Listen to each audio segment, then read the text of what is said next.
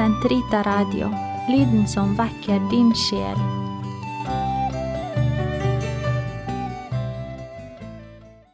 Den katolske kirkes katekisme, uke 42, søndag 2351 2356.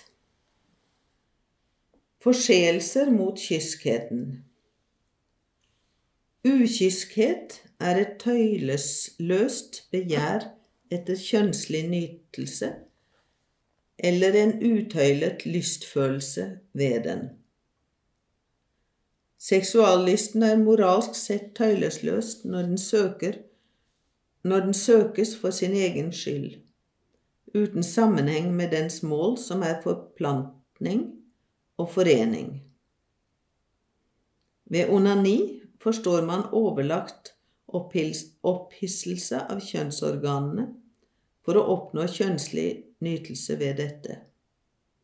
I tråd med en vedvarende tradisjon har både Kirkens læreembete og de troendes moralske omdømme uten å nøle hevdet at onani er en alvorlig, tøylesløs handling. Uansett grunn står overlagt bruk av kjønnsdriften utenom normalt ekteskapelig samliv, i motsetning til dens bestemmelse. Da søkes kjønnslig nytelse utenom det seksuelle forhold som kreves av den moralske orden, den som virkeliggjør i sammenheng med sann kjærlighet, den hele og fulle mening, med gjensidig hengivelse og menneskelig forplantning. For å kunne foreta en rettferdig bedømmelse av den enkeltes moralske ansvar og tilrettledning i sjelesorgen, må man ta i betraktning følelsesmessig umodenhet, vanens makt, angstfølelse eller andre psykiske eller sosiale faktorer som minsker, ja, gjør moralsk skyld uhyre liten. Hor er kjønnslig omgang utenom ekteskapet mellom en fri mann og en fri kvinne. Hor strider alvorlig mot menneskeverdet og den menneskelige seksualitets verdighet, som er naturlig rettet mot ektefellenes vel og mot oppdragelsen av barn. I tillegg er hor til alvorlig anstøt når det er tale om forførelse av unge.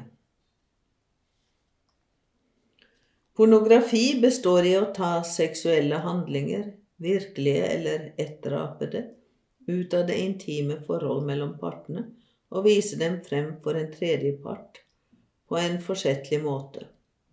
Pornografi krenker kyskheten fordi den forvrenger den ekteskapelige handling som er ektefellenes intime hengivelse til hverandre. Den er en alvorlig krenkelse av verdigheten til dem som hengir seg til slikt. Opptredende, forretningsfolk, publikum. Fordi hver enkelt for den andre blir en gjenstand til simpel forlystelse og urettmessig profitt. Den fører alle inn i en illusjonsverden. Den er alvorlig synd. De offentlige myndigheter bør forhindre fremstilling og salg av pornografisk materiale. Prostitusjon krenker verdigheten til den som prostituerer seg, og som dermed reduseres til den kjønnslige nytelse man kan få ut av vedkommende. Den som betaler, begår en alvorlig synd mot seg selv.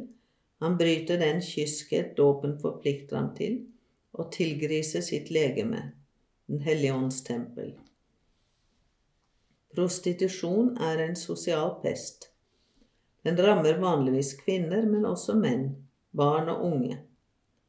I de to siste tilfeller fordobles synden ved at det foreligger anstøt. Selv om det alltid er en alvorlig synd å hengi seg til prostitusjon, kan fattigdom, utpressing og sosialt press minske synsskylden. Voldtekt vil si å bryte seg inn i et menneskes seksuelle intimitet med vold. Voldtekt krenker rettferdighet og nestekjærlighet. Voldtekt sårer dypt den enkeltes rett til respekt, frihet, moralsk og fysisk integritet. Den påfører varig men som kan merke et menneske for livet. Det er alltid en handling som er ond i seg selv. Enda alvorligere er voldtekt som begås av foreldre, jf. incest, eller oppdragere mot barn som er betrodd i deres varetekt.